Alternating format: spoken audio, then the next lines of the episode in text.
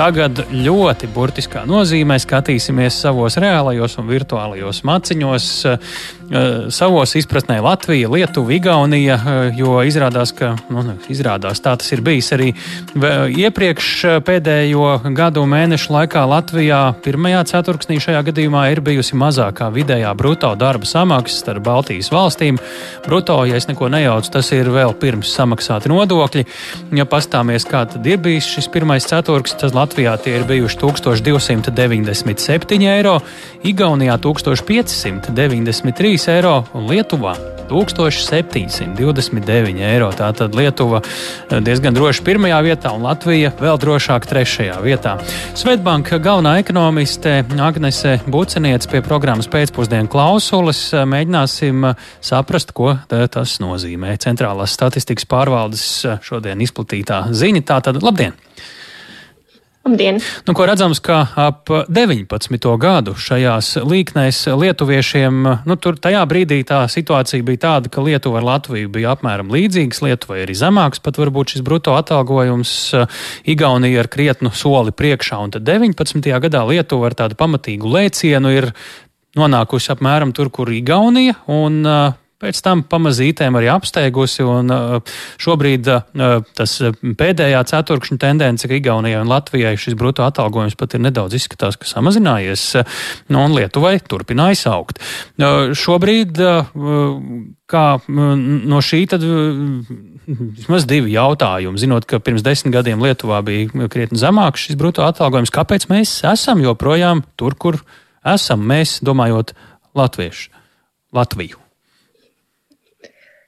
Nu, šeit ir kā, nu, divi iemesli. Ir tehnisks iemesls un, un ir tāds vairāk nu, ekonomisks. Ja mēs runājam par, par to, par, ko no ekonomikas mēs redzam, mēs redzam, ka piemēram, rādītājs iekšzemes koprodukts, tas, ko mēs šeit saražojam, un pakalpojumi, kurus mēs sniedzam, un tas, ko mēs par to nopelnam uz vienu iedzīvotāju salīdzināmajās cenās, mums ir zemāks rādītājs nekā Lietuvā un Igaunijā. Tas nozīmē, ka mēs tik daudz, nu, kā ekonomika, nenopelnām un, attiecīgi, tāpēc arī tik daudz algās nevaram uh, izmaksāt.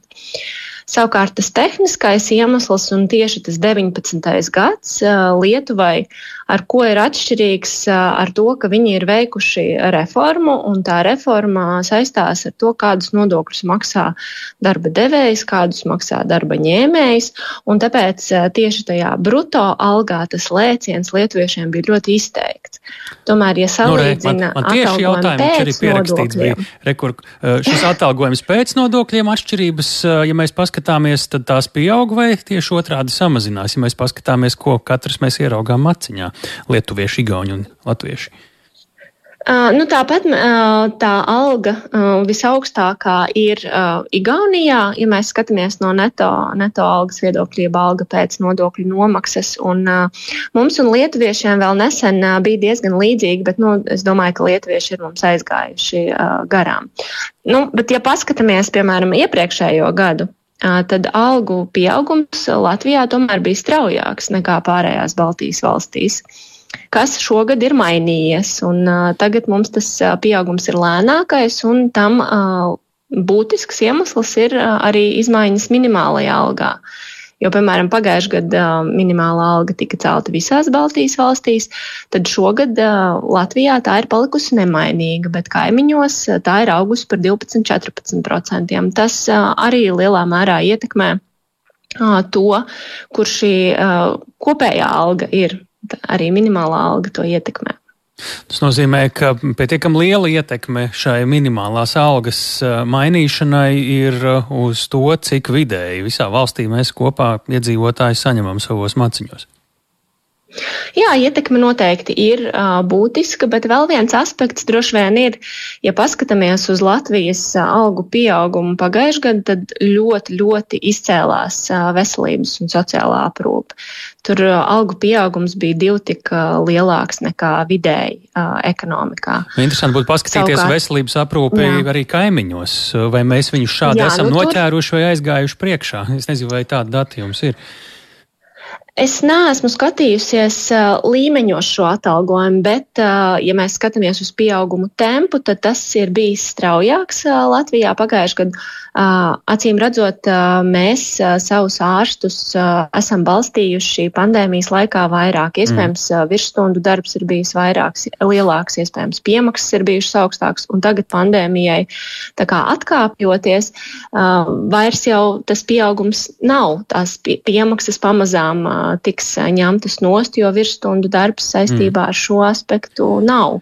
Un ja šis aspekts nebija tik izteikts Lietuvā un Igaunijā, tad viņiem arī tas, nu, tā bāzīte, ar ko mēs salīdzinām, tas pagājušais gads, piemēram, šajā sektorā, nav tik augsts un viņi nav kur krist, teiksim tā. Jā. Kas tagad skatoties uz priekšu, redzot šo atalgojuma līmeni katrā valstī, gan bruto, gan neto, gan pirms, gan pēc nodokļiem, tā tad, nu, mēs mums priekšā ir, tiek prognozēti diezgan lieli energoresursu, joprojām cenu, ja ne, kritu, ja ne sadārdzinājumi, tad kritumi noteikti nē, un tāpat arī pārtiks cenu kāpums. Kā tas ietekmē, kur valsti? Nu, mans eh, pieņēmums ne, neprofesionāļa šajā ziņā varētu būt, ka tur, kur ir mazāk šīs, šie reāli ienākumi, nu, tur tas arī sāpīgāk varētu būt krietni. Jā, protams, šeit gan jāsaka, ka inflācija Latvijā ir zemāka nekā, piemēram, Igaunijā, Jā. kur tā ir tuvāk 20% šobrīd. Tā ka tādā ziņā tas pirktspējas kritums mums nav tik liels kā, piemēram, Igauniem. Bet skaidrs šobrīd ir tas, ka inflācija Latvijā aug cenas Latvijā aug straujāk nekā algas, tātad iedzīvotāju ienākumi no reālie ienākumi samazinās, un ja ienākumi samazinās, tad, tad mēs varam tērēt mazāk, vai arī tad ir jāizmanto uzkrājumi tiem uh, iedzīvotājiem, kam tāda ir, bet tiem, kam nav, uh, tad tā situācija ir, protams, daudz sarežģītāka un ir ļoti nepieciešams valsts atbalsts, īpaši domājot uh, par nākamo apkursu sezonu, kad noteikti tā situācija būs vēl vairāk saspīlētāka nekā šobrīd. Pavisam īsi vēl nobeigumā, vai ir redzamas kādas politiķu vai valdības kustības, kuras varētu Lietuvā, Latvijā, Igaunijā tuvākajā laikā ietekmēt to, kas notiek katrā valstī ar atalgojumu vidējo? Vai šobrīd izskatās, ka visi gaida, kas notiks ar ekonomiku kopumā? Nu, ir Latvijā, piemēram, ir vēlēšanas, kas noteikti ietekmē lēmumu pieņemšanas procesu, un patiesībā varbūt vēl netik ļoti šobrīd, bet uz priekšu, es domāju, mēs to redzēsim vairāk. Uh, kur ir potenciāls kaut kādiem arī populistiskiem lēmumiem ar algas pieaugumu un minimālās algas celšanu.